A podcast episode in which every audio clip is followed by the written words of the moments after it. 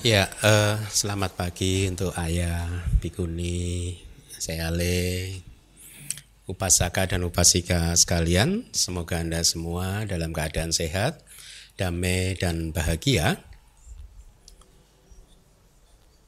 Kembali lagi kita berada di kelas Pariyati Sasana, also known as kajian kitab suci ya. Saya tidak akan bosan-bosan untuk mengingatkan kepada Anda bahwa kelahiran kita sebagai manusia kali ini adalah selama kita ini masih terus putu jana, maka Anda kita semua mendapatkan kelahiran yang seperti ini kemungkinannya sangat sulit. Ya. Oleh karena itu, kelahiran yang sudah kita dapatkan yang sangat sulit ini harus kita manfaatkan semaksimal mungkin, ya. Waktu kehidupan di dalam satu kehidupan sangat pendek sehingga kita harus benar-benar membuat skala prioritas mana yang penting dan mana yang tidak penting ya. Salah satu skala prioritas yang terpenting adalah melakukan kebajikan-kebajikan. Ya, kebajikan ada 10 landasan kebajikan yang Anda harus tahu dana, sila, bawana dan seterusnya ada 10 kan? Itu adalah prioritas utama yang harus kita kerjakan. Salah satu di antara sepuluh kebajikan tersebut adalah dhamma sawana, pendengaran dhamma, mendengarkan dhamma. Ya, jadi saat ini selama dua jam ke depan nanti Anda akan melakukan kebajikan yang disebut apa? Dhamma sawana, pendengaran dhamma. Dan kebajikan ini secara pribadi saya selalu e, merasa ini adalah kebajikan yang akan memberikan buah yang besar yang berbeda dengan kebajikan-kebajikan yang lain yang bisa memberikan buah yang kecil atau bahkan tidak berbuah sama sekali.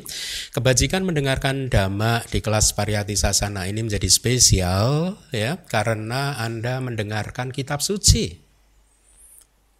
Selalu saja saya merasa tergetar kalau membayangkan banyak umat Buddha di Indonesia yang sudah menjadi umat Buddha.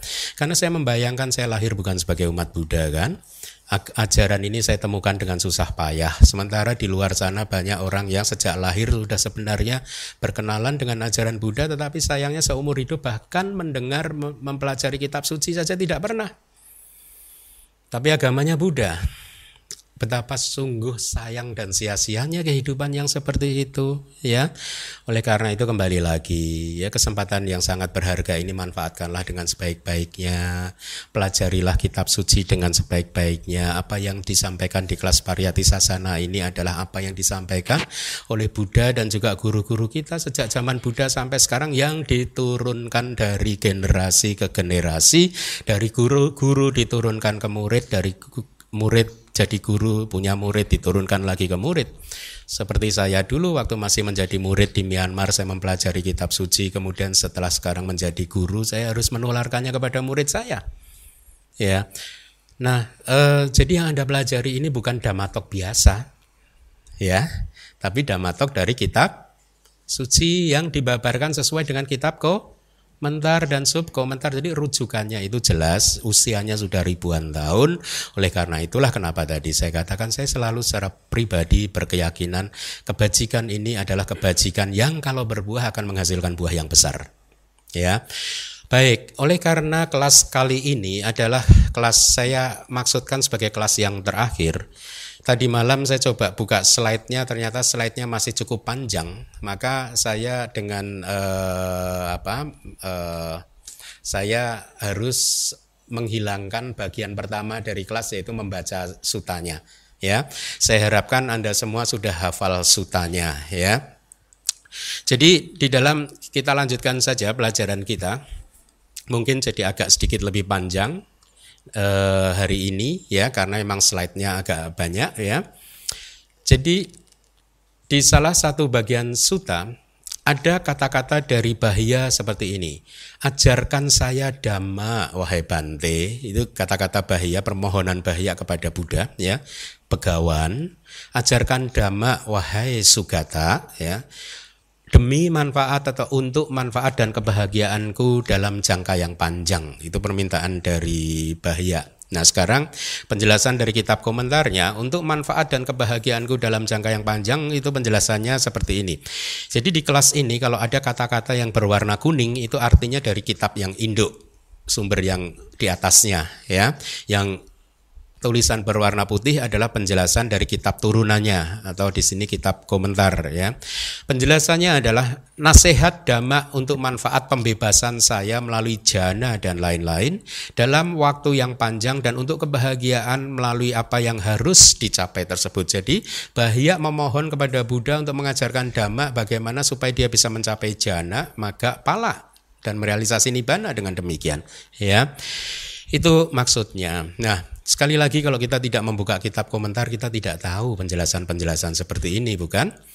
Nah, waktu mendengar permohonan dari Bahia, Buddha kemudian menjawab Bahia, sekarang bukan waktunya. Kami telah memasuki desa untuk dharma. Kami, jadi Buddha membahasakan dirinya sendiri kami karena juga di samping memang budaya India biasanya tidak akan mengatakan saya gitu Indonesia juga kadang begitu kan? Kita tidak memakai kata saya tapi kami kan? Tradisi India juga seperti itu gitu. Kebetulan ini juga Buddha sedang bersama-sama dengan para biku yang lain waktu berpindah patah.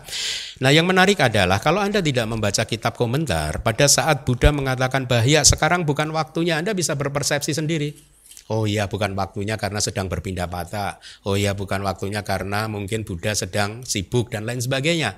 Tetapi lihat alasannya di dalam kitab komentar yang selalu Buddha itu mempunyai alasan yang penuh cinta kasih. Arti dari saat ini bukan waktunya untuk dhamma desana buat kamu, itu artinya tadi ya. Ya, akan tetapi Lalu apakah yang dinamakan bukan waktunya buat begawan untuk mengajarkan praktek yang bermanfaat untuk semua buat makhluk gitu. Apa sebab begawan adalah seorang yang berbicara pada tepat waktu? Ini pertanyaannya yang akan dijawab di slide berikutnya. Dalam hal ini telah dikatakan bahwa dan di sini waktu dimaksudkan sebagai waktu kematangan indria yang siap menerima instruksi. Jadi begitu. Begawan mengatakan, no, sekarang bukan waktunya, belum waktunya bahaya, ya, bukan waktunya gitu. Artinya, begawan tahu bahwa saat ini memang bukan waktu yang tepat untuk mengajarkan dhamma kepada bahaya. Kenapa? Karena indria-indria bahaya belum matang. Indria-indria itu adalah daya pengendali spiritual. Ada lima indria, sadda, wirya, sati, samadhi, banyak. Ya, selama lima indria ini belum matang, maka siapa pun tidak akan pernah bisa satu melihat realitas hakiki, melihat apa yang tidak tampak ini, ya. Kalau yang sudah belajar abidama tahu maksud saya realitas hakiki itu cita-cita sika rupa, tidak tampak. Yang Anda lihat ini bukan cita-cita sika rupa. Ya. makanya dianggap bukan realitas hakiki dan makanya pengetahuan terhadap segala sesuatu yang tampak ini tidak akan menghasilkan kebijaksanaan yang bisa menghancurkan kilesa. Karena kebijaksanaannya sangat rendah, tidak dalam.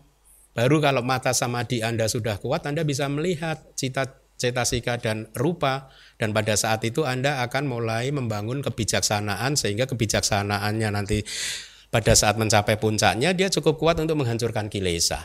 Nah, Buddha mengetahui bahwa pada saat itu bahaya belum mencapai kematangan indria sehingga kalau ini analisa saya, seandainya pun diajarkan dhamma pada waktu itu bahaya juga tidak akan bisa memahaminya, tidak akan bisa mencapai pencerahan juga, ya. Jadi eh, dengan indria-indria yang tidak matang seperti itu akan sangat sulit buat bahaya untuk menerima instruksi dari Buddha ya. Eh, oleh karena itu kemudian Buddha mengatakan setelah tahu bahwa ini bukan waktunya beliau mengatakan kami telah memasuki desa untuk derma. Ya, meskipun nanti pada uh, akhir suta juga dikatakan bahwa bahaya juga sebenarnya menjadi arahat pada saat juga kalau saya tidak salah ada sedang ada di jalan juga. Nanti kita lihat penjelasannya ya. Yang dimaksud dengan sulit diketahui di sini adalah kan begini, Bahia kan berkata setelah dijawab seperti itu tadi oleh Buddha, Bahia kembali berkata mendesak kepada Buddha, akan tetapi begawan ini sulit diketahui. Bahaya-bahaya untuk kehidupan begawan dan juga bahaya-bahaya untukku sulit diketahui. Ya, maksudnya apa yang akan terjadi di belakang atau nanti itu sulit diketahui baik untuk Buddha sendiri maupun untuk bahaya. Ajarkan dhamma kepadaku wahai Bante, Begawan, ajarkan dhamma wahai Sugata yang bisa untuk manfaat jangka panjang dan kebahagiaanku, ya. Jadi sulit diketahui di sini adalah sulit dikenali. Yang dimaksud dengan apa yang akan terjadi di masa depan buat pegawan dan juga bahaya sendiri berkaitan dengan bahaya-bahaya untuk kehidupan yaitu bahaya yang ditimbulkan dari perilaku diri sendiri atau bukan perilaku ya. Jadi ada dua bahaya dari perilaku diri sendiri itu misalkan bahaya mungkin khawatir kalau beberapa saat kemudian dia akan melakukan karma buruk yang sangat berat yang bisa menjadi karma penghalang sehingga menutupi jalan pencapaian jana maga dan pala dia ya. Itu yang dimaksud dengan perilaku. Ya dia melakukan karma buruk yang berat gitu. Uh, yang bukan perilaku ya itu bisa saja dari uh, uh, uh, ya misalkan kejadian-kejadian uh, apa itu disaster itu. Bencana alam misalkan ya.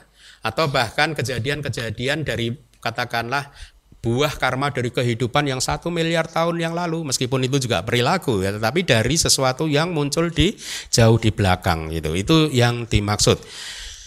Nanti anda akan tahu bahwa bahaya ini akhirnya diseruduk kerbau kan? Ya itu termasuk bahaya dari yang bukan perilaku.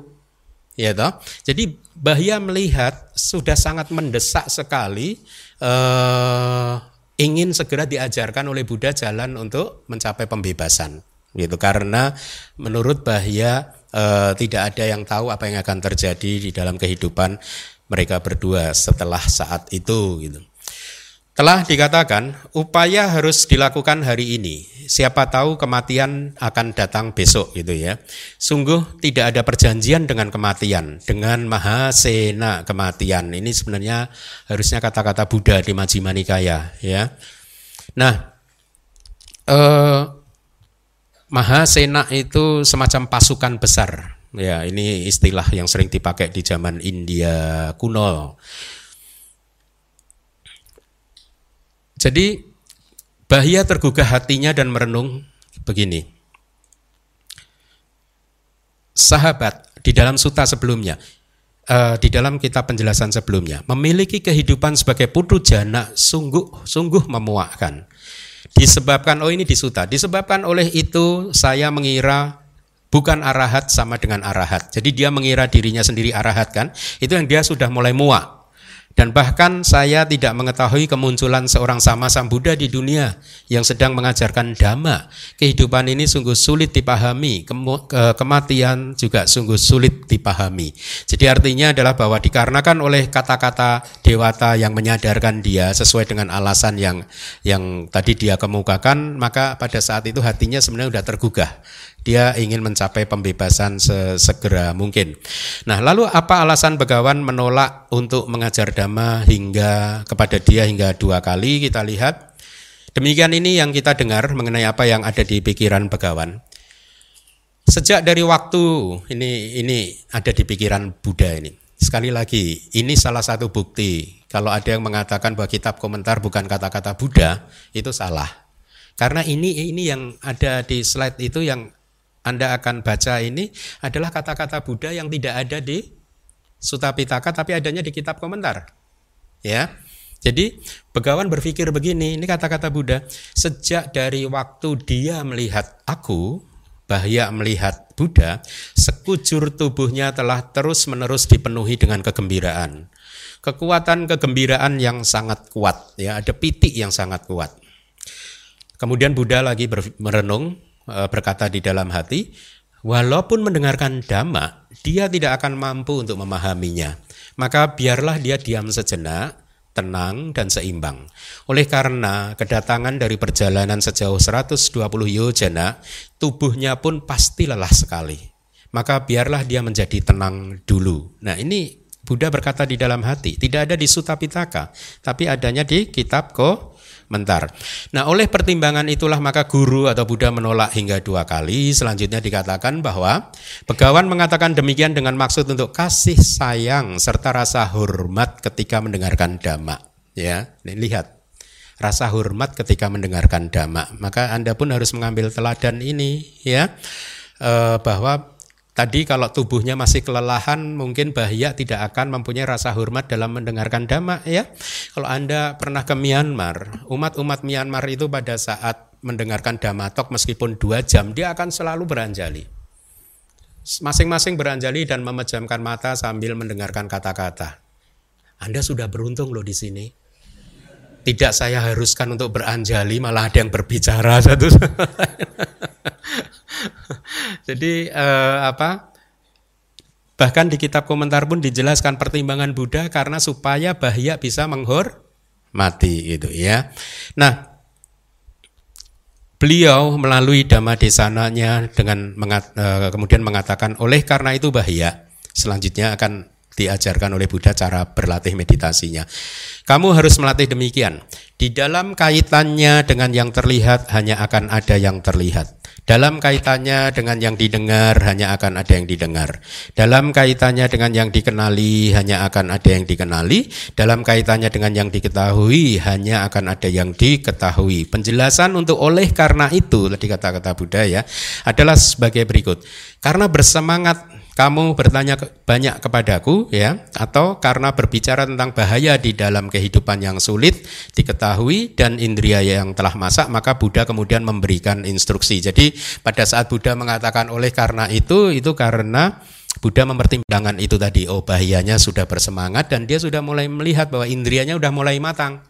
Ya, itu artinya harus melatih demikian. Tadi ada kan kata-kata di dalam uh, sutanya, ya. Artinya latihan yang harus dilakukan sesuai dengan tiga latihan, yaitu latihan adik sila, adik cita, dan adik panya. Ya, nah, Anda bertemu dengan istilah baru.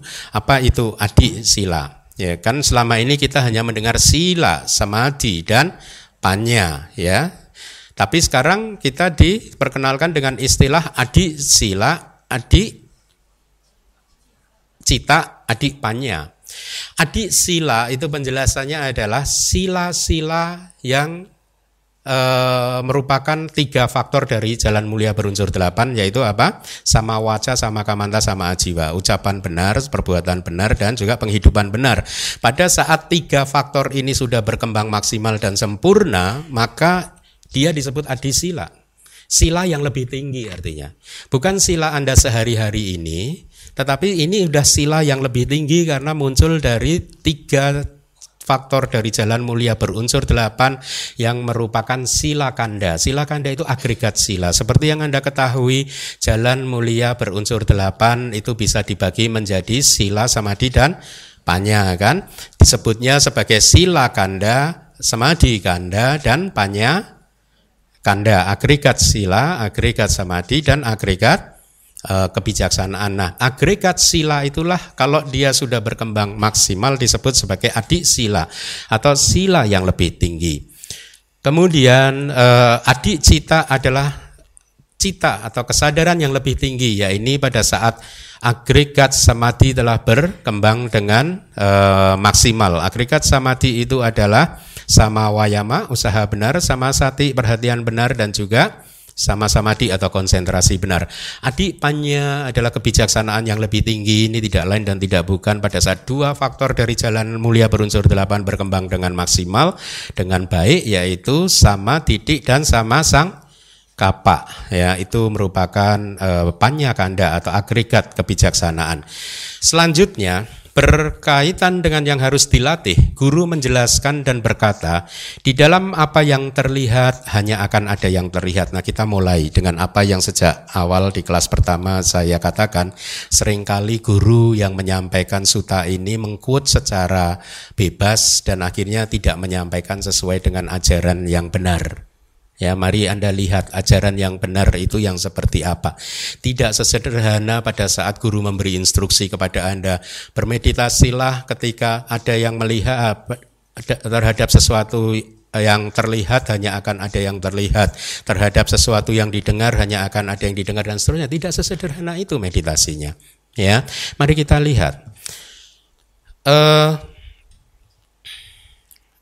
sehubungan dengan hal tersebut, penjelasan untuk di dalam apa yang terlihat ada yang terlihat semata itu adalah berkaitan dengan landasan indriawi bentuk. Nah, tadi malam yang belajar abidama sudah mempelajari istilah ini, rupa ayatana.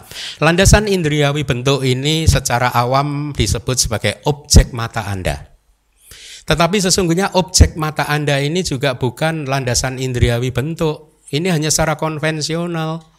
Ya, di dalam meditasi Anda harus bisa katakanlah Anda melihat ke arah saya saat ini, Anda harus bisa melihat komponen pembentuk tubuh jasmani saya yang merupakan terdiri dari sub partikel-partikel subatom yang secara teknis disebut rupa kelapa ya atau klaster materi. Dia wujudnya kecil sekali muncul lenyap muncul lenyap. Jadi kalau anda saat ini melihat ke arah saya anda belum melihat objek bentuk. Anda belum berwipasana objek bentuk ini harus hancur dulu di dalam mata kebijaksanaan anda itu yang baru dikatakan sebagai rupa ayatana landasan indriawi bentuk yang perhatikan ini yang hanya terlihat oleh kesadaran mata Ya, jadi untuk sementara Anda catat dulu bahwa hanya terlihat oleh kesadaran mata, bukan terlihat oleh yang lain-lain gitu. Jadi pada saat itu yang melihat hanya kesadaran mata, tidak dipengaruhi oleh kesadaran pikiran. Kalau Anda sekarang melihat ke arah saya dan tahu bahwa ini adalah Bante Keminda, maka yang melihat itu bukan kesadaran mata Anda. Karena kalau kesadaran mata Anda melihat ke saya, Anda tidak tahu bahwa ini adalah Bante Keminda. Paham? Itulah wipasana. Ya. Nah, dalam cara apa pun, nanti akan saya jelaskan uh, detailnya. Terhadap objek bentuk atau objek mata tadi, kesadaran mata melihat hanya bentuk semata. Artinya hanya uh, rupa kelapa semata atau bukan rupa kelapa sebenarnya bentuk, dia rupa. Jadi di dalam satu rupa kelapa, klaster materi itu minimal terdiri dari delapan individu materi. uh, objek bentuk itu hanya salah satu dari komponen pembentuk dari klaster, ya. Kesadaran mata hanya melihat bentuk semata, bukan karakteristik alamiah anicca, duka dan anatta. Lihat, kesadaran mata tidak bisa merealisasi anicca, duka dan anatta. Jadi artinya di dalam instruksi ini Buddha mengajarkan kepada Bahia untuk bisa merealisasi dua hal. Satu adalah merealisasi objek bentuk, yang kedua adalah dia harus tahu bahwa objek bentuk ini dilihat oleh kesadaran mata ya sampai dia merealisasi bahwa kesadaran mata ini tidak melihat atau tidak merealisasi anicca, duka dan anatta. Itu instruksinya seperti itu. Jadi tidak sesederhana yang yang yang sering Anda dengar kan. Demikian pula sisanya artinya pada saat mendengar hanya akan ada yang didengar dan seterusnya. Itu juga dipahami dengan cara yang sama. Artinya pada saat ada suara, maka di suara ini harus ditangkap oleh kesadaran telinga saja. Itu uh, instruksinya ya. Pada saat kesadaran telinga menangkap telinga tel, kesadaran telinga tidak bisa mengetahui ini suara apa. Nggak bisa. Dia juga tidak tahu anicca duga dan anatta. Nah ini harus direalisasi dulu oleh yogi oleh bahia begitu. Itu instruksinya ya. Kemudian hanya akan ada yang terlihat semata olehku melalui kesadaran yang muncul di pintu mata. Ini juga nanti akan saya sampaikan. Jadi objek yang terlihat hanya akan terlihat melalui kesadaran yang muncul di pintu mata atau yang sudah belajar abidama harus bisa melihat kesada, uh, objek bentuk tersebut melalui proses kognitif di pintu mata ya. Demikianlah arti untuk yang harus dilatih atau artinya adalah dalam hal yang terlihat yang terlihat adalah nama untuk pengetahuan tentang objek bentuk oleh yang direalisasi oleh kesadaran mata ya. Makna semata itu adalah sebagai batasannya. Artinya apa? Sekarang bahia sedang diajarkan untuk melihat proses kognitif di pintu mata dulu. Itu batasannya ya tidak diproses kognitif pintu telinga, pintu hidung, pintu panca indera yang lain atau diproses kognitif pintu batin. Tidak. Jadi batasannya sekarang ada di proses kognitif pintu mata dulu. Harus mampu direalisasi. Ada seseorang yang mengatakan kepada saya, mereka meragukan bahwa teknik meditasi ini bisa diwujudkan. Bagaimana mungkin seorang yogi bisa melihat kecepatan apa kesadaran yang eksistensinya hanya satu per satu miliar detik katakanlah saya tidak menjawab apa-apa tetap karena saya juga tidak ingin membuat dia itu ini karena kebetulan beliau senior juga ya. Uh, tetapi saya hanya mengatakan uh, uh, bahwa ajaran ini eksis ya. Pasti ada banyak yang bahkan di zaman modern ini mampu merealisasinya. Karena kalau tidak ada yang mampu merealisasinya pasti ajaran ini tidak eksis. Ya toh, tidak ada yang mau mempelajarinya lagi. Kalau sekarang saya katakan eh, di Myanmar banyak yang bisa melihat ini. Ya, kalau yang eh, Anda mungkin pernah mengikuti retret-retret dari Pak Au Seadoji, ya atau murid-murid beliau, mereka bisa. Bantai-bantai guru-guru meditasi itu bisa mengajarkan kepada Anda cara melihat ini tadi, proses kognitif pintu mata. Ya, jadi ini bukan semata-mata teori, tetapi bahkan di zaman modern ini banyak bante yang bisa atau banyak yogi yang bisa uh, melihatnya. Jadi oleh karena yang terlihat adalah ukurannya, maka dikatakan yang terlihat semata akan ada kesadaran mata yang hanya melihat saja, tidak dicampuri dengan yang lain-lain, misal yang didengar dan lain-lain atau yang dipersepsikan atau bahkan pikiran ketika Anda merasa saat ini ada pikiran saya sedang melihat Bantai Keminda, maka Anda sedang tidak melihat saya dengan kesadaran mata Anda loh. Anda mempersepsikan saya di hati Anda bukan di kesadaran mata. Karena kalau benar-benar melihat melalui kesadaran mata, Anda tidak tahu saya ini Bantai Keminda dan bahkan Anda tidak sempat berpikir bahwa ini saya sedang melihat. Pemahaman saya sedang melihat muncul itu belakangan ya. Jadi Anda udah kelihat kehilangan momen yang sangat cepat tadi, ya, kehilangan tidak sempat teramati, kemudian Anda hanya kemudian menduga dari persepsi masa lalu, oh ini Bante Geminda. Ya. Nah, jadi eh, Ketika Anda melihat objek dan masih mempunyai persepsi saya sedang melihat atau saya sedang mendengar atau objek itu berwarna merah, kuning, hijau dan lain sebagainya, maka Anda tidak bermeditasi. Ini instruksi yang diajarkan oleh Buddha kepada Bahia. Ya, mari kita lanjutkan. Hal ini telah dikatakan dalam hal apa pun Kesadaran mata tidak menyenangi bentuk yang telah tiba dalam jangkauan, tidak marah dan tidak berkhayal. Ya, jadi pada saat benar-benar bermeditasi dengan menembus kesadaran mata yang melihat objek bentuk, maka pada saat itu tidak ada loba, dosa, moha ya tidak ada keserakahan tidak ada kebencian tidak ada delusi yang di sini diterjemahkan jadi eh, tidak ada apa tidak menyenangi itu ekspresi untuk loba tidak marah itu untuk dosa dan tidak berkhayal itu untuk delusi gitu. Jadi Kesadaran mata muncul tanpa keserakahan, kebencian dan, dan delusi artinya loba, dosa, moha itu muncul pada momen belakangan. Ya setelah kesadaran mata itu lenyap maka loba dosa muncul bisa saja muncul gitu. Nah eh, selanjutnya atau yang dinamakan yang terlihat adalah objek bentuk yang terlihat oleh kesadaran mata. Yang dinamakan yang terlihat semata adalah tiga kesadaran yang muncul persis di sana, artinya setelah kesadaran mata, yaitu kesadaran yang menerima, kesadaran yang menginvestigasi, dan kesadaran yang memutuskan. Ya. Saya akan sampaikan ini proses kognitifnya.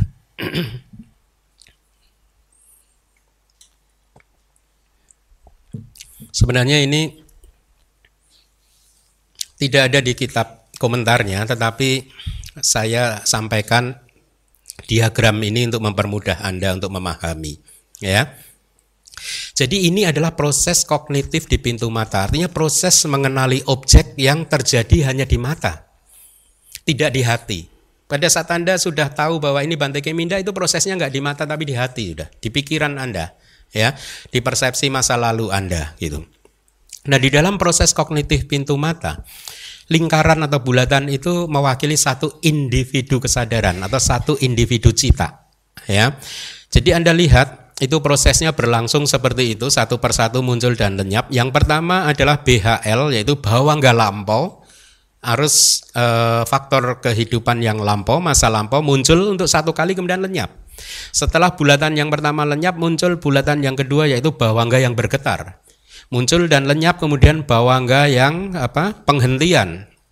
Ya, arus bawangga. Di sini hanya saya katakan arus bawangga tiga kesadaran saja. Dia muncul lenyap, muncul lenyap, muncul lenyap.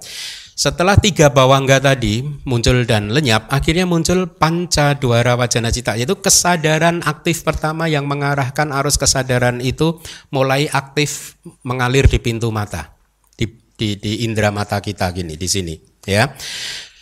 Pada saat itu dia belum melihat objek. Ya, kesadaran belum melihat objek. Baru setelah itu di sambung dengan kesadaran mata. Cak, caku winyana, kesadaran mata inilah yang melihat objek yang tadi sudah kita bicarakan. Ya. Setelah kesadaran mata melihat objek lenyap, kemudian dilanjutkan dengan sampaticana atau kesadaran yang menerima. Setelah dia lenyap dilanjutkan oleh kesadaran yang menginvestigasi. Setelah itu wotapana itu adalah kesadaran yang memutuskan objeknya itu baik atau buruk. Nah, inilah tadi tiga kesadaran yang disampaikan di slide sebelumnya yang muncul dan lenyap sesudah kesadaran mata ya. Jadi Anda lihat prosesnya seperti itu ya. Artinya kalau mengikuti nasihat dari Buddha sesuai di Bahya Sutta, yogi harus bisa merealisasi ini. Ya dia harus bisa melihat ini semua. Apa mungkin Bante? Banyak yang bisa merealisasinya. Ya, jadi tidak sesederhana terhadap atau di dalam apa yang dilihat hanya akan ada yang dilihat enggak enggak seperti itu. Dia harus benar-benar merealisasi satu persatu seperti yang tadi diajarkan di kitab komentar. Pertama melihat kesadaran mata, kemudian kesadaran yang menerima, kesadaran yang menginvestigasi, kesadaran yang memutuskan. Supaya dia tahu karakteristik dari kesadaran. Oh, damai ya kesadaran-kesadaran itu ya. Karena pada saat berada di momen kesadaran tersebut tidak ada persepsi saya melihat tidak ada juga persepsi yang saya lihat siapa. Yang ada hanyalah proses ketika objek yang berupa partikel yang kecil berbenturan dengan indera mata. Dan benturannya itu bisa terlihat juga. Pada saat terjadi benturan ini kesadarannya muncul untuk menangkap itu tadi. Ya. Nah, pada saat itulah si yogi atau dalam hal ini bahaya mulai mengembangkan penembusan atau realisasi bahwa ada fenomena-fenomena yang muncul melalui uh, proses kognitif pintu mata. Saya tidak akan menjelaskan secara detail tapi ini tujuan saya karena banyak yang tidak uh, belajar abidama kan. Tujuan saya hanya untuk mempermudah Anda untuk membayangkan bahwa bulatan-bulatan ini adalah rangkaian kesadaran individu kesadaran. Satu bulatan adalah satu mewakili satu kesadaran yang dia muncul lenyap, muncul lenyap, muncul lenyap di dalam kitab komentar dijelaskan kesadaran di dalam satu jentikan jari itu satu mil, ah? ya satu miliar kesadaran muncul dan lenyap. Satu miliar seratus juta kali, eh seratus ribu kali sepuluh juta berapa? Satu triliun ya? Ya, ya satu triliun. Nah, satu triliun.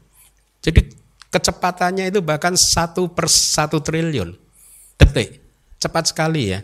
Makanya banyak yang tidak percaya kan bahwa ada yang bisa melihatnya. Tetapi banyak guru yang masih bisa mengajarkan kepada Anda untuk bisa merealisasi ini. Nah, itu tadi adalah proses kognitif di pintu mata seperti yang sudah saya sampaikan. Di proses ini Anda belum melihat objek itu Bante Keminda atau siapa. Tidak ada. Yang ada hanya proses yang murni melihat ke arah uh, objek bentuk tadi. Ya, murni sekali. Tidak ada keserakahan, kemarahan dan juga delusi dan lain-lain, ya. Nah, tetapi biasanya proses itu dilanjutkan begini. Setelah proses kognitif pintu mata itu tadi muncul satu proses, kemudian dia lenyap, tidak berhenti di sana. Proses akan diikuti oleh proses kognitif di pintu batin. Proses kognitif pintu batin yang mengikuti inilah yang nanti di dalam prosesnya yang terakhir akhirnya seseorang bisa mengenali yang dilihat itu siapa, ya. Seseorang bisa mempunyai persepsi saya sedang melihat. Tapi itu semua terjadi di proses kognitif pintu batin. Proses yang berbeda dengan proses kognitif di pintu mata yang tadi sudah saya sampaikan.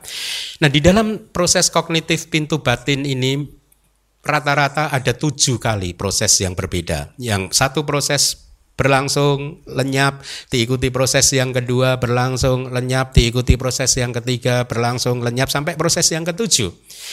Jadi kira-kira secara kasarnya begini, setelah kesadaran mata, proses kognitif di pintu mata tadi melihat objek bentuk yang berupa partikel-partikel yang kecil tadi, ya. Banyak sekali kalau satu tubuh berarti banyak partikel. Banyak subatomik partikel subatom ya. Dilihat satu persatu kemudian kan lenyap muncullah kemudian proses kognitif di pintu batin yang mengambil atida gahana. Ati, mengambil objek yang lampau. Jadi objek partikel tadi kan sudah lampau ya. Diambil oleh proses kognitif di pintu batin yang munculnya di hati kita di jantung kita ini ya. Partikel yang lampau tadi sub partikel yang lampau tadi diambil di sini dikumpulkan ya. Kemudian akhirnya satu proses berlangsung lenyap muncul proses kognitif pintu batin yang kedua yang dia mengambil warna dari objek tersebut. Jadi setelah partikel itu tadi yang berbentuk saya katakanlah itu diolah, kemudian warnanya mulai di, e, diambil oleh proses kognitif pintu batin ya. Hati Anda, hati kita, pikiran kita mulai mengenali warna. Oh, warnanya jubahnya gelap ya. Hitam katakanlah ini ini bukan hitam sih sebenarnya kehitam-hitaman begitu ya. Jadi sudah mulai kelihatan warna.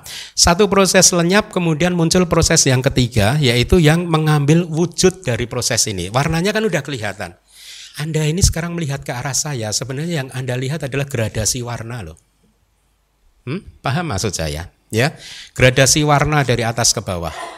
Mak, tapi Anda secara konvensional mengatakan ini kepala, ini telinga, padahal yang terjadi itu hanya partikel kecil dengan gradasi warna saja kayak pixel-pixel gitu. Ya. Nah, setelah warnanya diambil proses kognitif yang ketiga mengambil bentuk secara keseluruhan gitu. Ya. Kemudian setelah itu satu proses muncul dan lenyap, proses yang keempat muncul dia mulai tahu. Oh, itu biku. Nah, itu proses kognitif yang keempat. Biku gitu. Tapi namanya belum tahu nih. Ini wujud kayak gini nih, biku nih. Satu proses muncul dan kemudian lenyap. Setelah itu proses yang kelima nama gahika. Proses yang mengambil nama. Biku siapa ya? Oh, biku Keminda. Ya, itu yang ke kelima atau keenam. Kelima ya. Kemudian eh, oh, baru mengolah nama artinya. Ada pengolahan nama. Kalau di dalam Abhidhamma dijelaskan sih misalkan Keminda, maka pertama mengolah mengetahui huruf KHE, kemudian MIN, DA diolah-olah. Baru setelah proses mengambil nama tadi selesai, nama Salakana. Nama Salakana baru di sini dia tahu, oh ini Bante Keminda. Ya. Setelah itu, ya, setelah mengetahui bahwa ini Bante Keminda, maka proses kognitif di pintu batin selesai, karma yang terwujud di proses kognitif yang terakhir ini bisa sangat kuat sekali sehingga bisa mempunyai potensi untuk memunculkan kelahiran kembali atau bahkan eh, atau tidak ya eh, tergantung eh, maksudnya kalau dia mengarah kepada pembebasan ya nanti akan muncul maga dan pala dan seterusnya.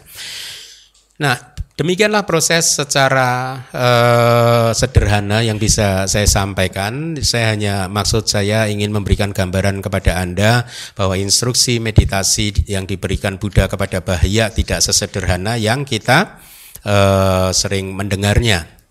Selanjutnya, dalam hal apa pun, kesadaran tersebut tidak menyenangi, tidak ada loba, artinya tidak marah, dosa, tidak menghayalkan uh, delusi.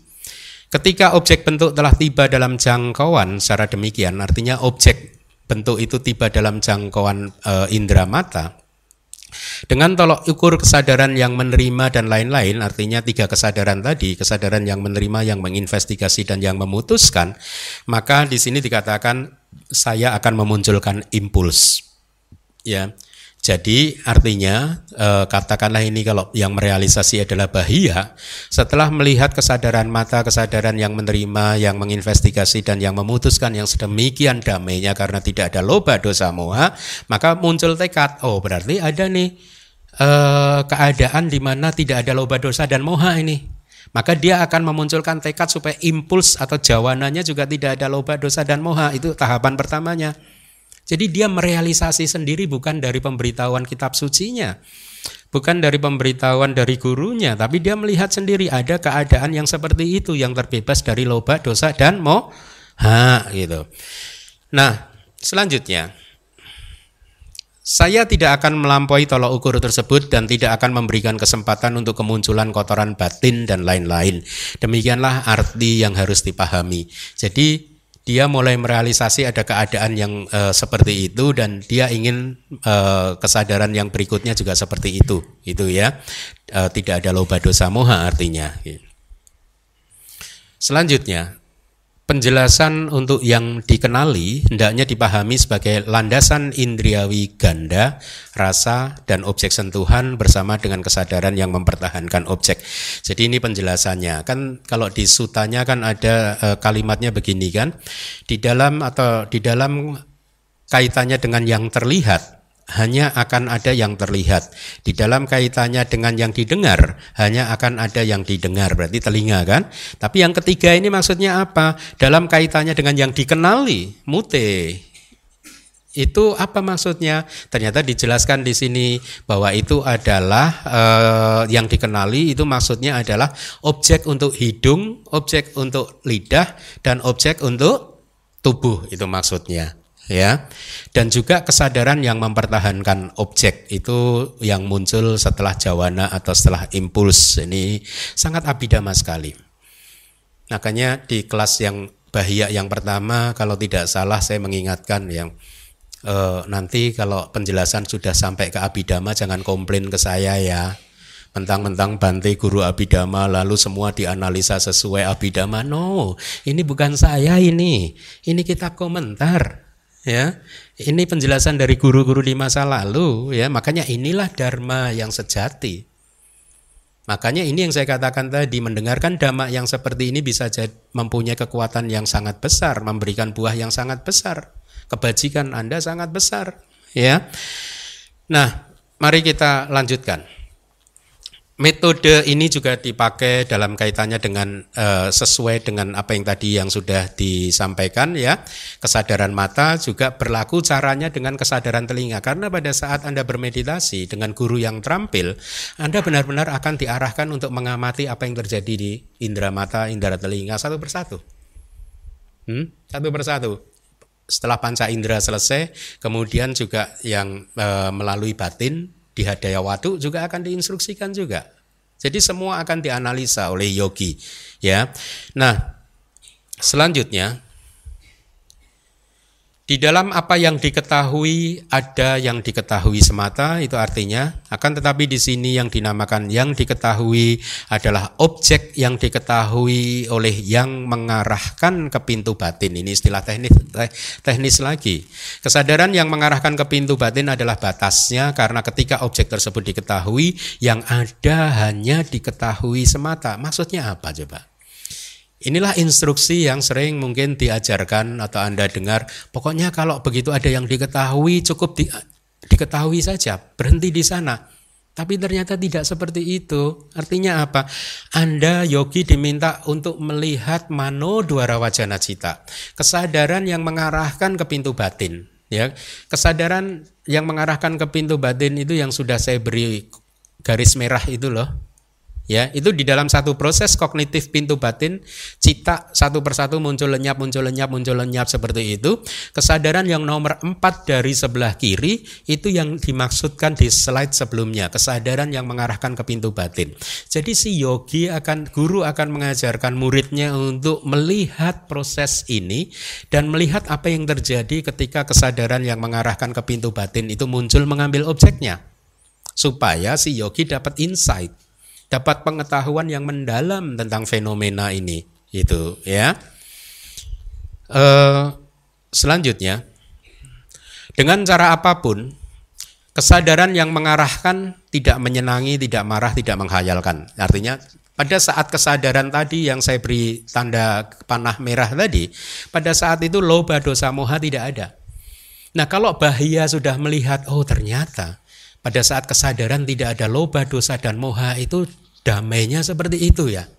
Ini kan realisasi. Ya.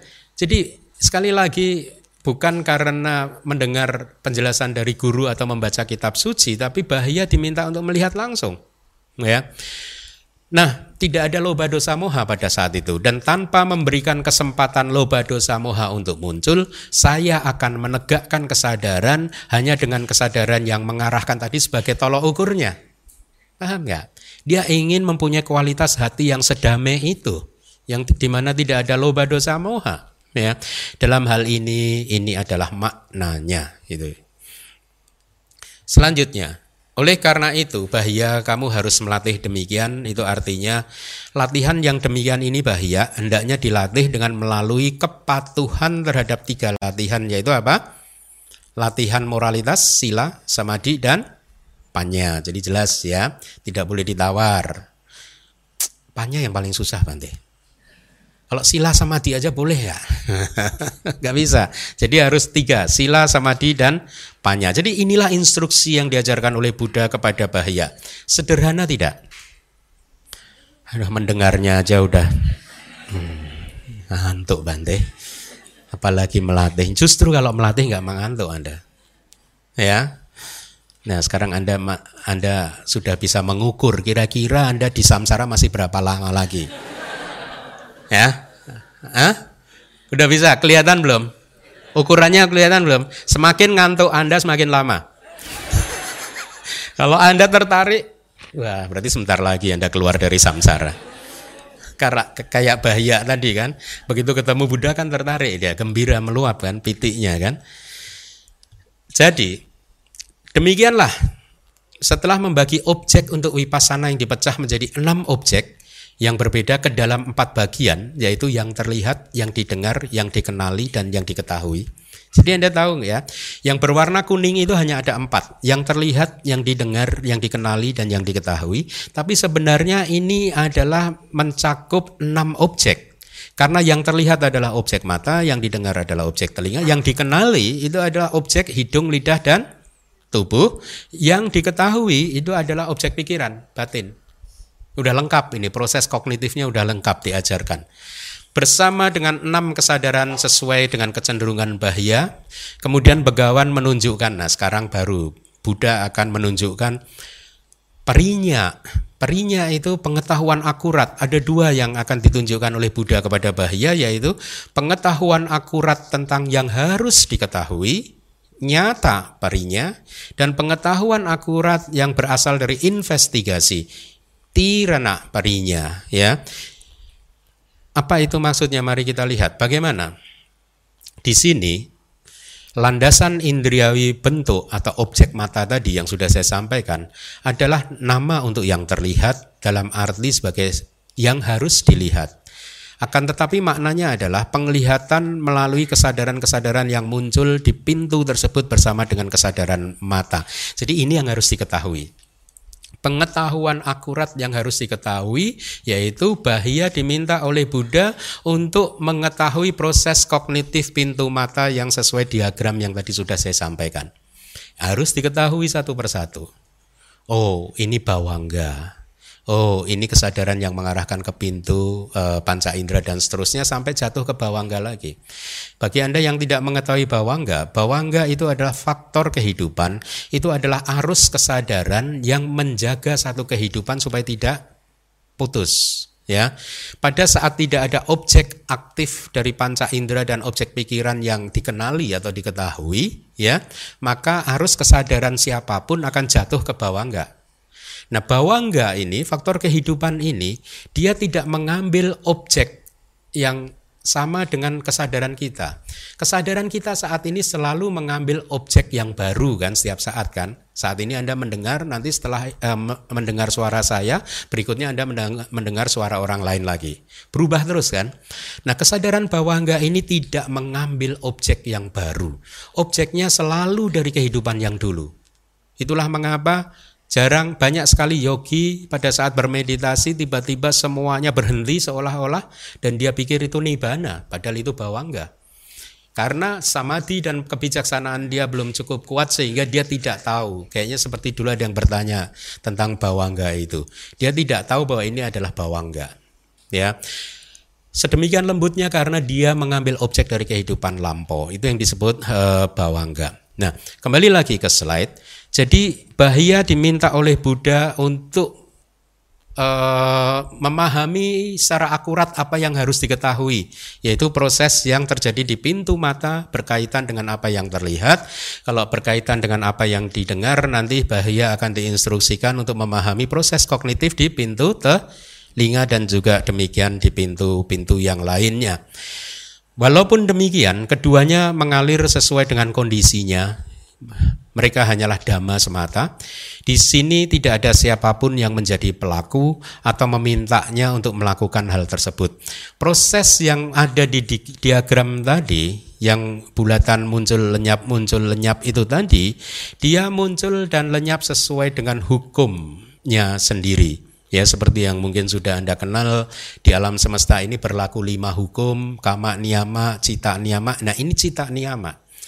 Hukum yang tetap yang mengatur muncul dan lenyapnya cita. Jadi proses cita yang muncul atau kesadaran yang muncul lenyap muncul lenyap itu tadi itu muncul dan lenyap dengan sendirinya. Bukan Anda yang mengatur, makanya anatta. Tidak ada yang memilikinya juga.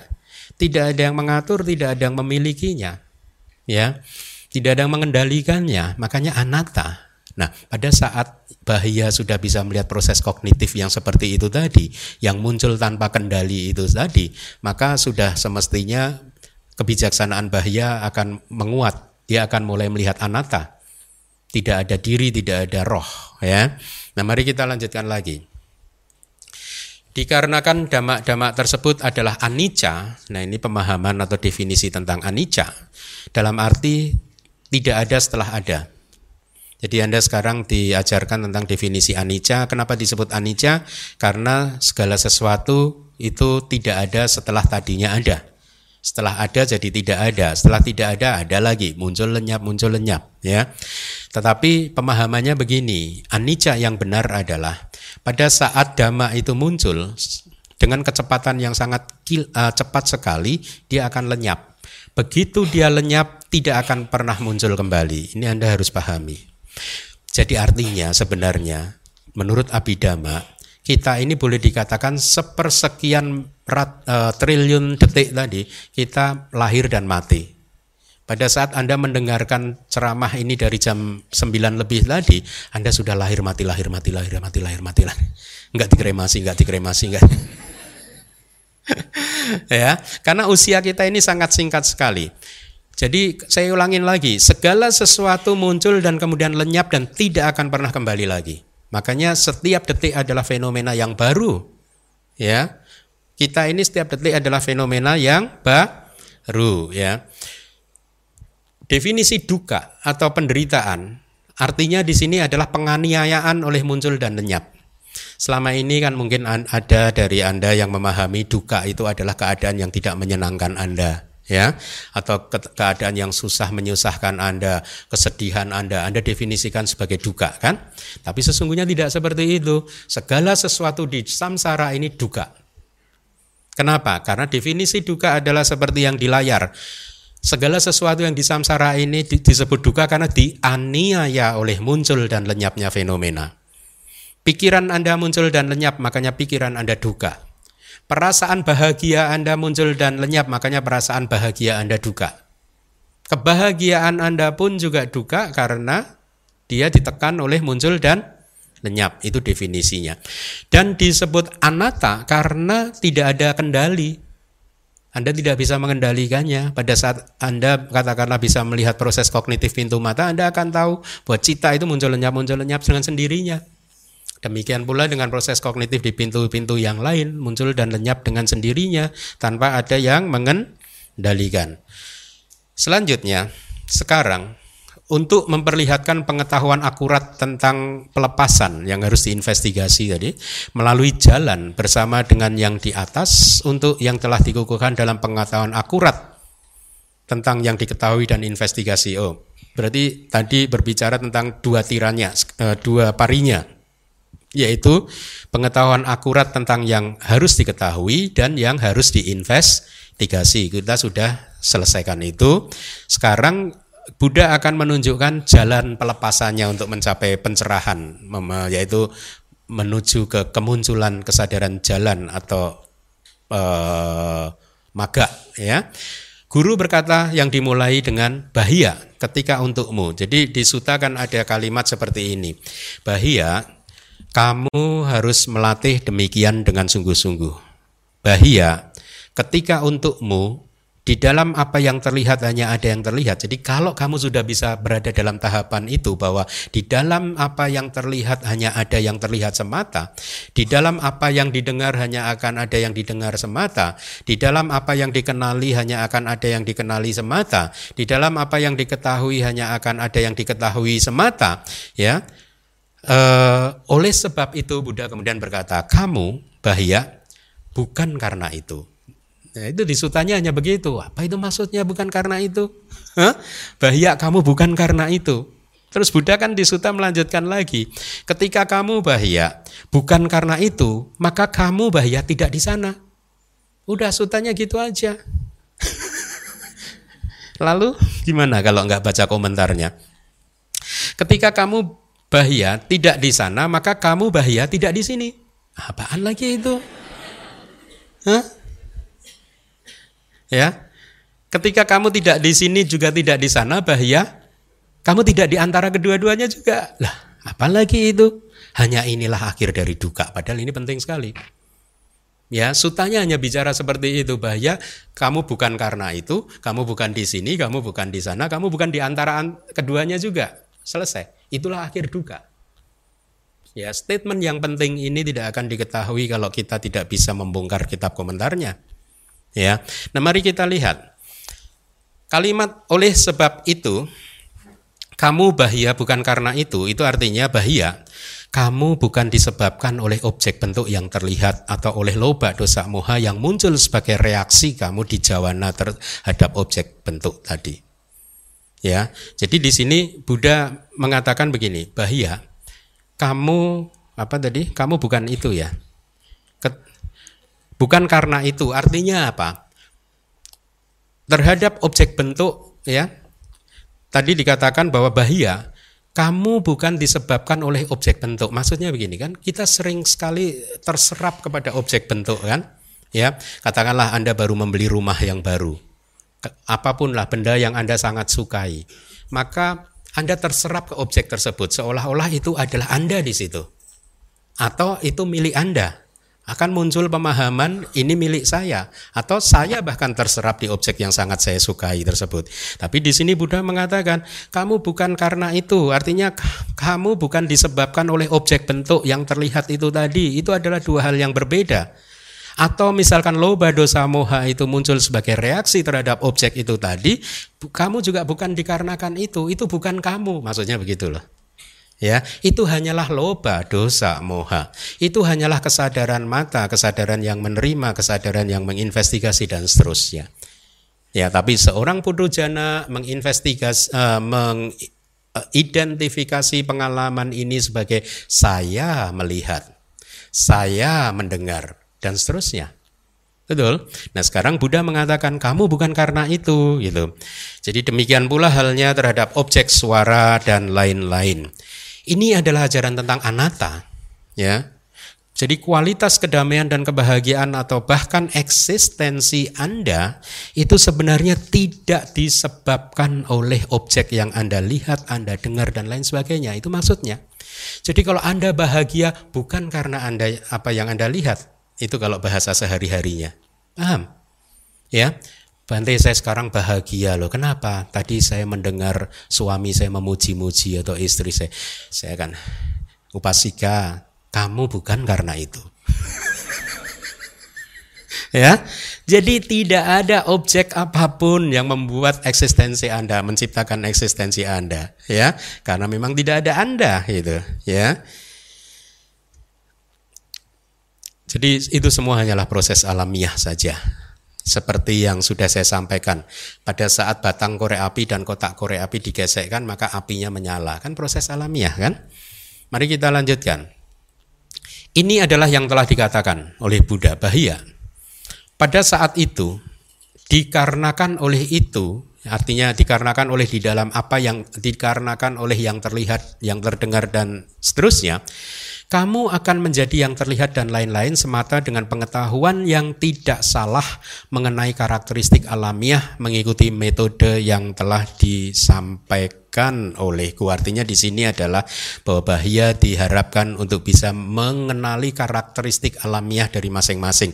Oh, ternyata kesadaran mata itu karakteristik atau fungsinya hanyalah untuk melihat saja. Kesadaran yang menerima fungsinya hanya untuk menerima objek saja. Kesadaran yang menginvestigasi fungsinya hanya untuk menginvestigasi objek saja. Kesadaran yang memutuskan fungsinya untuk memutuskan saja objek ini baik atau buruk. Ya, itu yang diharapkan. Ya. Nah, eh, tetapi sering kali kita secara keliru e, mengidentifikasi proses itu dengan melibatkan persepsi tentang adanya aku dan milikku. Ya itulah putu jana, makanya ada penderitaan. Gitu. Mari kita lihat lagi masih kata-kata Buddha. Ketika itu, dikarenakan oleh itu, kamu tidak akan bersama dengan nafsu dan lain-lain yang terikat pada yang terlihat dan lain-lain. Tidak akan menjadi tergila-gila, jahat atau khayalan itu artinya makanya saya beri tanda kutip itu Buddha sedang mengajarkan anata kamu tidak akan menjadi loba, tidak akan menjadi dosa, dan tidak akan menjadi moha. Karena dengan kata lain sesungguhnya itu hanyalah loba, dosa, moha saja, bukan kamu. Karena memang tidak ada kamu. Oleh karena kualitas penanggalan nafsu, penghancuran nafsu atau loba dosa moha tidak akan ada keadaan yang terikat bersama dengan yang terlihat dan lain-lain tersebut. Artinya begini, kalau bahaya sudah berhasil menghancurkan loba dosa moha, maka itulah yang disebut sebagai pembebasan terbebas, sudah ter, tidak terikat lagi kepada apa pun, tidak terikat pada objek. Maksudnya apa tidak terikat pada objek? Anda bayangkan dalam kehidupan sehari-hari, berapa banyak di dalam kehidupan sehari-hari kebahagiaan Anda ataupun ketidakbahagiaan Anda sangat dipengaruhi oleh dunia di sekeliling Anda. Paham? Ya, kalau orang yang Anda cintai sedang baik hati kepada Anda, Anda bahagia, betul? Kalau orang yang Anda cintai sedang tidak baik pada Anda, Anda menderita, benar?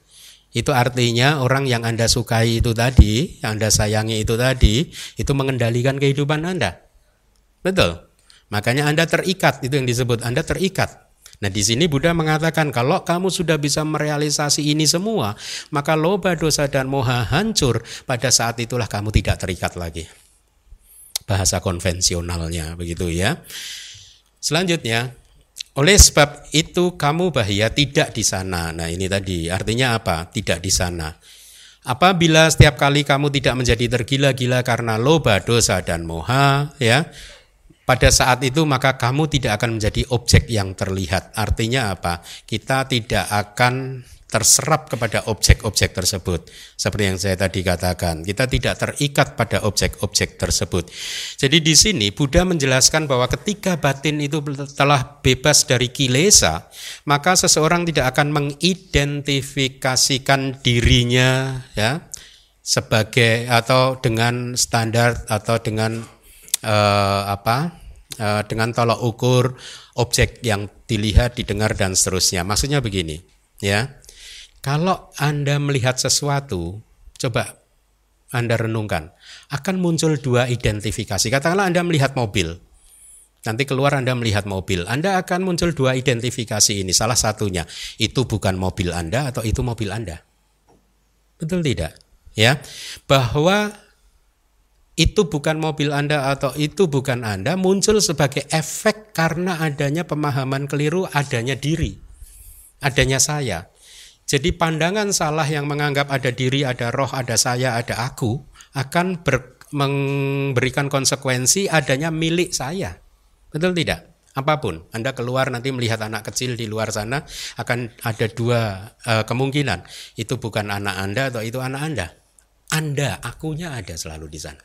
Ini yang dimaksud ya identifikasi apa pun dalam konteks aku dan milikku itulah yang dimaksudkan di sini Nah, padahal bagi mereka yang sudah bisa merealisasi uh, proses melihat itu tadi atau proses mendengar melalui proses kognitif di pintu mata, mereka akan tahu bahwa sesungguhnya proses melihat ini, Anda sekarang bisa melihat ke arah saya, mungkin Anda berpikir bahwa Anda sedang melihat ke arah saya. Tetapi sekarang saya beritahu, fenomena sejatinya adalah sesungguhnya indera mata Anda melihat ke arah saya itu karena gabungan dari berbagai uh, kondisi, empat kondisi. Satu, indera mata Anda sehat, betul. Kalau tidak sehat Anda bisa melihat. Terus syarat yang kedua adanya objek bentuk, adanya objek ini kan, ya, yang masuk dalam jangkauan mata Anda. Kebetulan saya ini masuk dalam jangkauan mata Anda. Ya, mobil yang parkir di depan di depan sana juga objek untuk mata loh. Tapi Anda bisa melihatnya enggak? Kenapa tidak bisa? Karena tidak masuk dalam jangkauan mata Anda. Ya. Kemudian syarat yang ketiga adalah adanya cahaya. Syarat yang keempat adalah adanya perhatian. Jadi gabungan dari empat kondisi inilah ketika bergabung maka Anda bisa melihat. Maksud saya adalah sebenarnya melihat adalah muncul karena adanya empat kondisi ini. Sekarang bayangkan kalau empat kondisi ini satu aja nggak ada. Katakanlah seseorang yang indera matanya sudah rusak. Bisa melihat tidak? Tidak ada roh diri aku sehebat apa pun yang bisa melihat kalau bola matanya rusak. Makanya tidak ada roh, tidak ada diri. Atau syarat yang kedua tidak ada cahaya. Kalau tidak ada cahaya, ada nggak orang yang bisa melihat meskipun bola matanya sehat? Nggak bisa. Jadi kalau salah satu syarat ini saja tidak terpenuhi, proses melihat tidak terjadi. Lalu di mana rohnya? Di mana akunya? Di mana dirinya? Makanya tidak ada roh, tidak ada aku, tidak ada diri. Yang ada hanyalah proses alamiah. Begitu empat ini bertemu, prosesnya terjadi. Ya, itulah anata. Kita lanjutkan. Dalam apa yang terlihat, yang didengar, yang dikenali, atau yang diketahui tersebut, pengertian demikian, ini milikku, ini aku, ini roh atau diriku, tidak akan menjadi kokoh, menempel melalui tanha, nafsu kehausan, kesombongan, mana, dan juga pandangan salah. Jadi jelas ya, pada saat uh, uh, apa tadi dalam apa yang terlihat, yang didengar, yang dikenali atau yang diketahui tersebut, pengertian ini milikku tidak akan kokoh melalui kehausan. Artinya, ini milikku, ini aku, ini diriku, itu kokoh karena adanya kilesa yang disebut tanha, mana, dan titik. Anda melihat mobil, oh ini mobil saya, itulah tanha. Itulah asal mula penderitaan, ya. Ini aku, itulah kesombongan, ya. Kemudian ini rohku, itulah pandangan salah. Jadi pemahaman ini milikku, ini aku, ini rohku muncul karena adanya tanha, mana, titik nafsu kehausan atau nafsu keinginan, kesombongan dan juga pandangan salah. Nah, selanjutnya, oleh sebab itu kamu bahaya, kamu tidak di sini, tidak juga di sana, tidak di antara keduanya. Penjelasannya adalah bahia. Setiap kali kamu tidak menjadi terikat pada objek yang terlihat seperti yang sudah saya jelaskan tadi di sana melalui nafsu dan lain-lain artinya melalui dosa, loba, dosa dan moha, maka pada saat itu kamu tidak di dunia ini, tidak di dunia yang lain, tidak juga berdiri di uh, keduanya. Mari kita lihat penjelasannya. Tadi juga ada kalimat kalau kamu tidak di sini, tidak di sana dan tidak di antara keduanya, maka inilah akhir dari duka. Hanya inilah artinya, sungguh inilah kehidupan yang berputar-putar. Inilah akhir dari duka yang disebabkan oleh kilesa. Jadi ini realisasi. Setelah melihat proses yang tadi sudah disampaikan, akhirnya bahaya merealisasi. Inilah akhir dari duka yang muncul karena adanya kilesa. Karena kalau kilesa tidak ada, maka tidak ada lagi uh, duka ya dalam konteks uh, secara konvensional, tapi dalam konteks tertekan oleh muncul dan lenyap selama masih ada kehidupan maka Buddha pun masih mengalami duka ya. Selanjutnya siapa pun mereka yang mengambil kalimat di antara keduanya dan mengharapkannya sebagai nama dari kelahiran antara itu adalah kesalahan mereka. Jadi ini adalah penolakan dari guru kata atau guru kitab komentar terhadap pendapat-pendapat bahkan di kalangan Buddhis ada yang menganggap bahkan saya pun sendiri juga masih sering beberapa kali ditanya oleh umat Bante apakah benar sih setelah seseorang meninggal dunia dia masuk di alam antara sebelum menunggu kelahiran yang berikutnya. Ya, maka di sini kitab komentar guru Atakata mengatakan tidak ada alam antara. Seseorang yang meninggal selama dia bukan arahat, sedetik kemudian diikuti kelahiran kembali. Kematian dan kelahiran kembali tidak ada jaraknya. Paham? Cara membayangkannya seperti ini. Hari ini adalah hari Minggu. Anda bayangkan, hari Minggu dan hari Senin tidak ada jaraknya. Ada tidak? Nanti malam pukul 23 lebih 59 menit, lebih 59 detik hari apa? Satu detik kemudian hari apa? Ada jaraknya tidak hari Minggu dan hari Senin? Tidak ada kan? Begitu hari Minggu lenyap, hari Senin muncul. Betul. Begitu seseorang meninggal dunia, langsung lahir lagi. Ya, sama dengan lampu dan kegelapan. Terang dan gelap tidak ada jedanya. Begitu lampunya menyala, gelapnya hilang. Begitu lampunya tidak menyala, gelapnya muncul. Ya. Begitu terang ada, gelap hilang. Kalau terang tidak ada, gelap ada. Tidak ada jarak yang ada di antara terang dan gelap. Tidak ada alam di antara minggu dan Senin. Begitulah kelahiran kembali. Seseorang meninggal langsung dia akan terlahir kembali. Jadi di sini guru kata-kata menolak adanya alam antara atau kelahiran antara. Oleh karena adanya kelahiran antara dengan tegas ditolak di dalam abidama, Selanjutnya yang dimaksud dengan di antara di suta adalah penjelasan alternatif di antara keduanya. Oleh karena itu di sini ini adalah artinya tidak di sini, tidak di sana dan juga tidak keduanya akan dijelaskan begini. Yang dimaksud di antara adalah kata-kata penjelasan mengenai pemikiran tentang keadaan antara. Oleh karena itu artinya demikian. Uh, tidak di sini, tidak juga di sana. Selanjutnya tidak ada tempat yang lain di antara keduanya. Jadi nggak ada. Nanti akan dijelaskan. Nah, saya akan sampaikan sekarang kenapa ada bahkan guru-guru Buddhis yang mempercayai ada alam antara. Salah satu penyebabnya adalah misinterpretasi terhadap apa yang tercantum di dalam kitab suci kita tentang istilah yang ada di layar antara parini bayi seseorang yang mencapai nibana di interval ya. Jadi karena kalimat inilah karena maksud dari antara parini bayi adalah seseorang yang mencapai nibana di interval, maka bahkan sangga beberapa sangga pun keliru menginterpretasikan dan menganggap ada alam antara ya pasti ada antara bawa kelahiran kembali di alam antara ya. Nah, istilah antara parini bayi itu muncul sebenarnya lengkapnya adalah antara parini bayi sambawesi bahasa palinya. Sambawesi itu adalah seseorang yang sedang mencari antara parini bayi. Seseorang yang sedang mencari nibana di interval sambil menunggu untuk mencapai nibana lagi. Dia masuk ke alam interval menunggu untuk mencapai kenibana. Dia keliru menerjemahkan itu, ya. Karena sesungguhnya, ya, ini penjelasan yang di slide. Seseorang yang parinibana karena padamnya kilesa tanpa sisa melalui pencapaian pembebasan yang tertinggi di interval tanpa melampaui pertengahan usia di mana pun di antara bumi dan seterusnya. Jadi istilah antara parinibayi ini sesungguhnya itu merujuk kepada anagami yang sudah lahir di Sudawasa di salah satu alam dan dia mencapai nibana setengah sebelum menyelesaikan kehidupannya dia sudah mencapai nibana. Itu istilah ini ya. Tapi beberapa guru salah menginterpretasikan akhirnya menyimpulkan ada alam antara ya. Jadi sekali lagi Theravada menolak adanya alam antara karena kematian dan kelahiran tidak ada jaraknya seperti hari Minggu dan Senin yang sudah saya sampaikan tadi.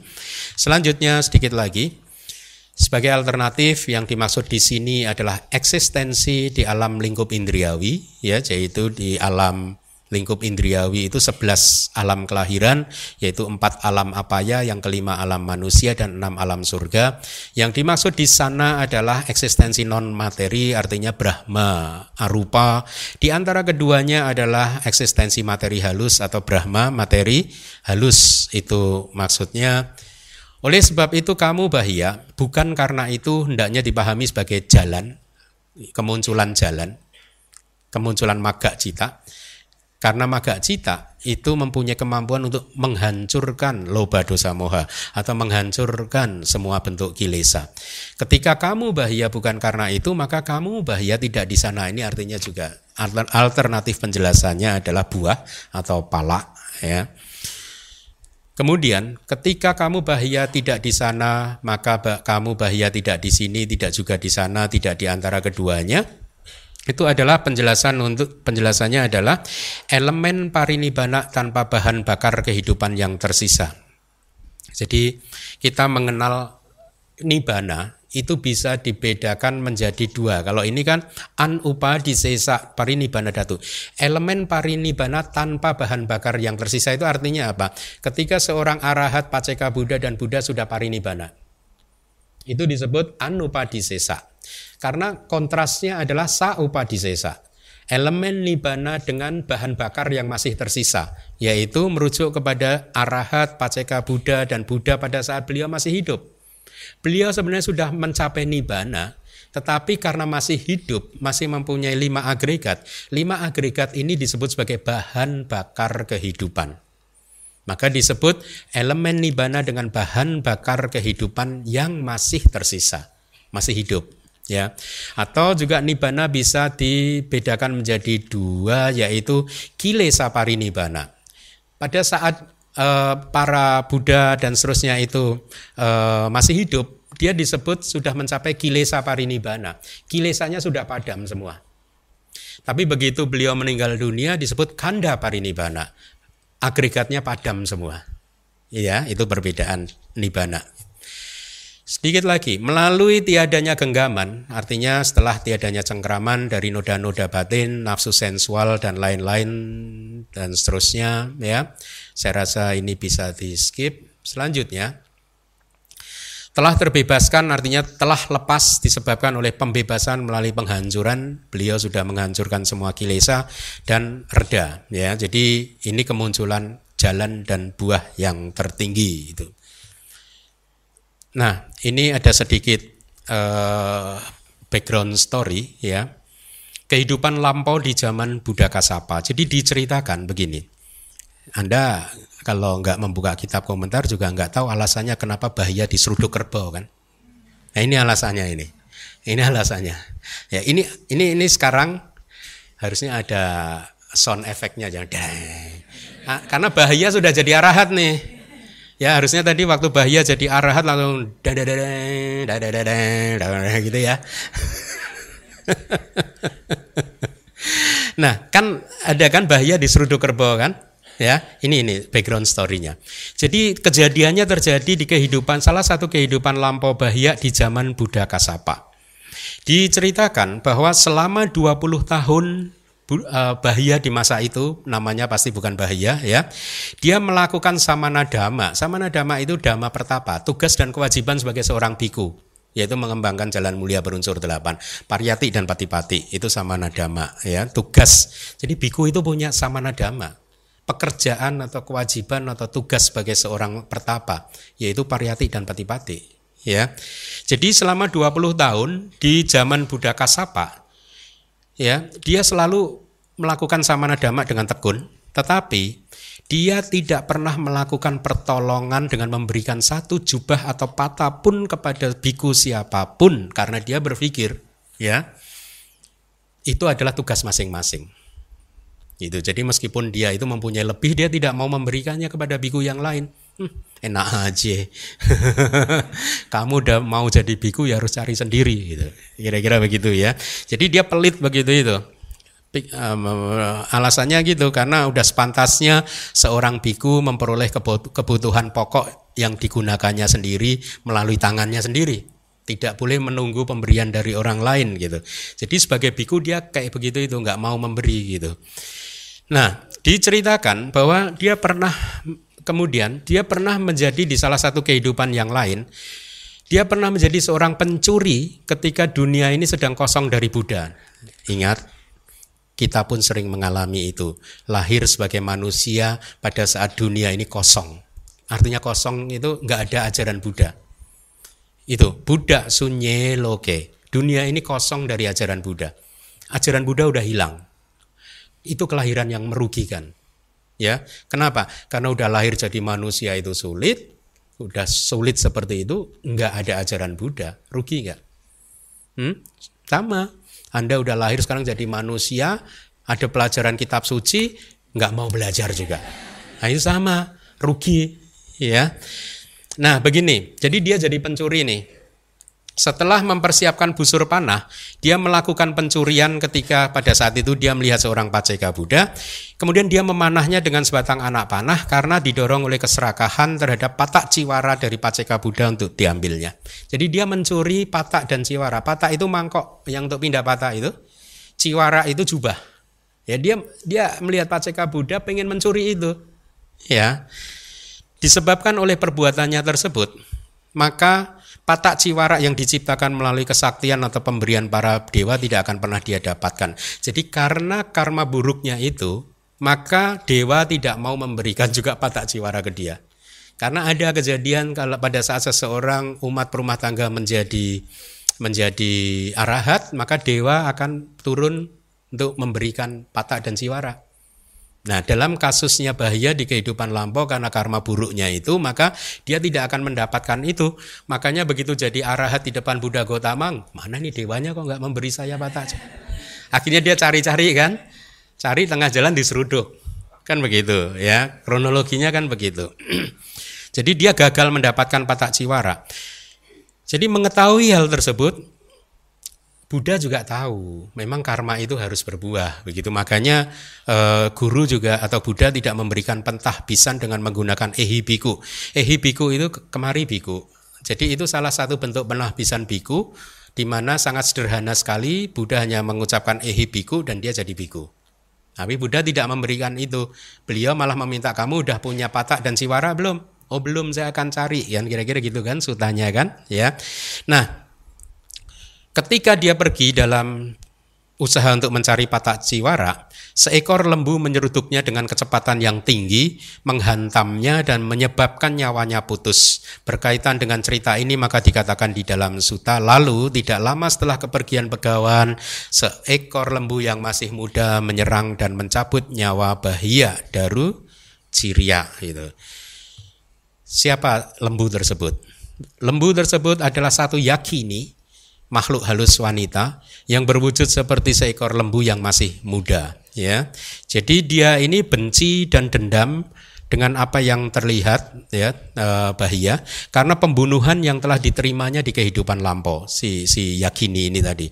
Jadi dia dendam maka diseruduknya balik dengan tanduk untuk mengambil nyawa bahaya.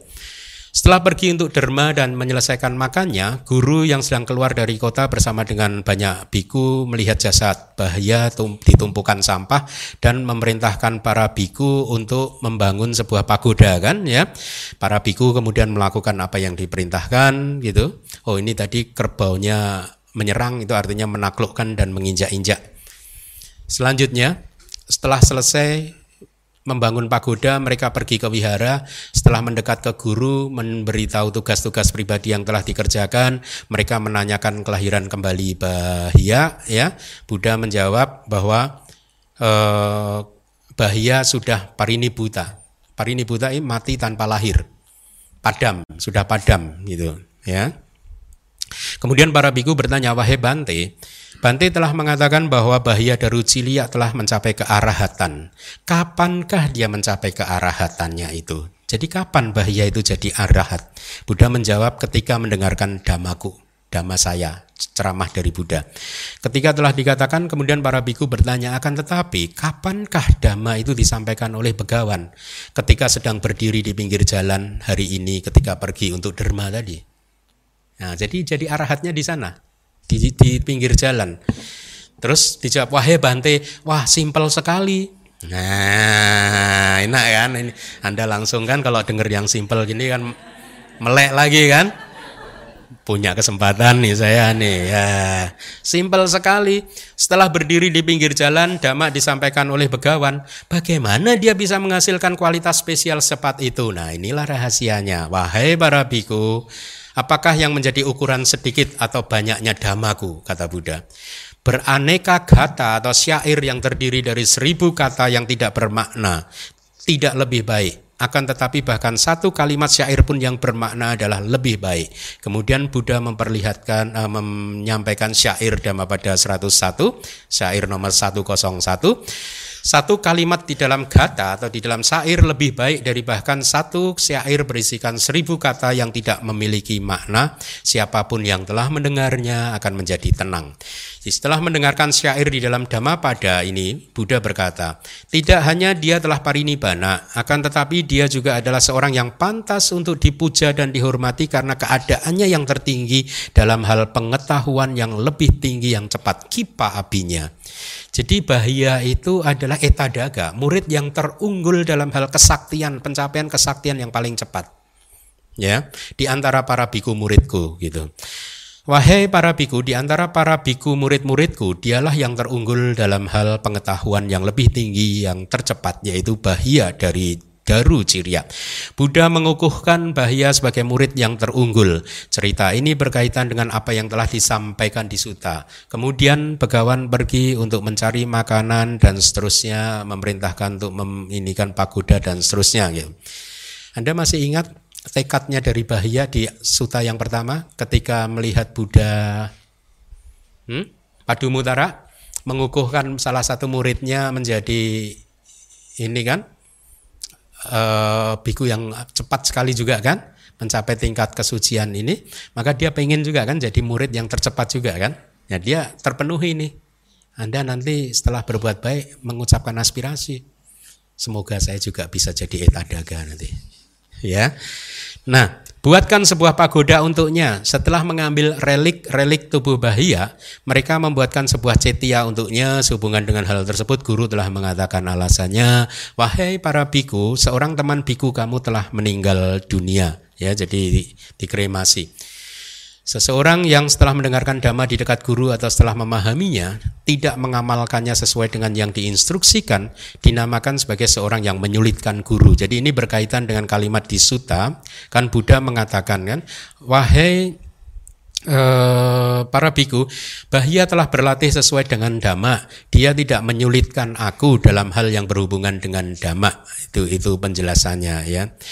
Uh, dia tidak menyulitkan Buddha dalam hal dhamma di sana karena patuh dia dalam menjal kepatuhan dia dalam menjalankan ajaran sesuai dengan yang diinstruksikan gitu. Atau tidak dalam hal yang berhubungan dama, dengan damaku artinya tidak dalam hubungan dengan dama ini. Hal ini telah dikatakan sasanaku ini tidak menyulitkan karena apabila telah dilatih dengan benar menjadi sebab untuk terbebas dari duka dan seterusnya. Jadi intinya bahaya bukan seseorang yang menyulitkan guru. Setelah mereka memahami makna dari hal tersebut, artinya memahami keadaan padam total karena elemen nibana, bahaya tera dengan bahan bakar kehidupan yang tanpa sisa tersebut, Begawan kemudian mengungkapkan ungkapan penjelasan tentang pengalaman parinibana yang tanpa landasan untuk berpijak. Artinya Tadi di sutanya kan ada kalimat di mana air, tanah, api, angin tidak memiliki pijakan ya. Jadi di mana itu artinya di nibana yang di dalamnya air tidak memiliki pijakan, tanah, api dan angin tidak memiliki pijakan, tidak kukuh. Artinya di dalam nibana tidak ada elemen tanah, air, api dan angin. Damak-damak yang terkondisi apa pun tidak eksis di sana sedikit pun juga. Ya, di sana rembulan tidak muncul, di sana bintang-bintang tidak bersinar, matahari tidak tampak, rembulan tidak muncul dan seterusnya. Ya, e, rembulan, bintang tidak bercahaya, matahari tidak tampak karena matahari yang memiliki kemampuan untuk menyebarkan cahaya di tiga pulau seketika tidak bersinar di nibana. Tapi dikatakan nibana gelap gulita juga tidak.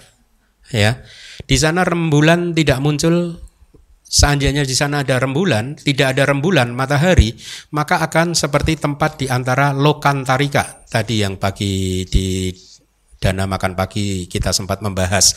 Satu tempat di antara dua dua sistem dunia yang gelap gulita yang minggu lalu juga sudah saya sampaikan yang menjadi gelap total dan selamanya. Akan tetapi kegelapan tidak dikenal di dalam nibana jadi beda dengan black hole. Nibana tidak gelap seperti itu. Kenapa? Karena yang dinamakan kegelapan tidak bisa eksis di dalam dhamma yang tidak memiliki rupa. Ini penjelasan kitab komentar. Di dalam nibana tidak ada cahaya, tetapi juga tidak ada kegelapan. Karena kegelapan hanya eksis di dalam tempat wilayah yang ada materi. Ya, dan ada rupa, fenomena materi itu penjelasannya. Sedikit lagi ini. Ketika orang suci, seorang Brahmana telah memahami dengan kebijaksanaannya sendiri artinya disebut sebagai orang suci karena disertai dengan kesempurnaan moral di dalam perilaku tubuh dan lain-lain yang disebabkan oleh pengetahuan jalan atau maga yang telah memperoleh nama sebagai kebijaksanaan yang berasal dari pemahaman tentang empat kebenaran. Seorang Arya Sawaka atau murid suci adalah seorang Brahmana yang telah memperoleh nama sebagai orang suci yang disebabkan oleh penembusan beliau yang juga disebut sebagai ke kebijaksanaan. Kemudian dia terbebaskan dari suka dan duka, terbebaskan dari materi dan materi. Artinya setelah pengetahuan nibana dia, dia terbebas. Materi adalah dhamma materi karena kehidupan dikarenakan olehnya kehidupan dengan lima agregat dan kehidupan dengan satu agregat telah diambil. Saya rasa itu cukup penjelasannya. Terima kasih.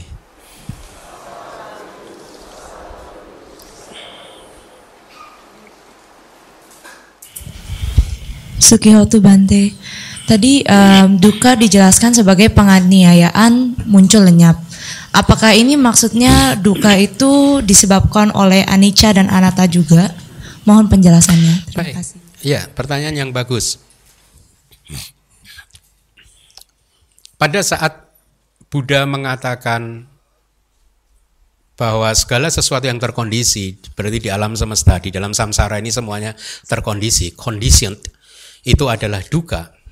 Pertama Anda harus kita harus pahami bahwa Buddha tidak menolak adanya suka juga di dalam kehidupan ini, ya.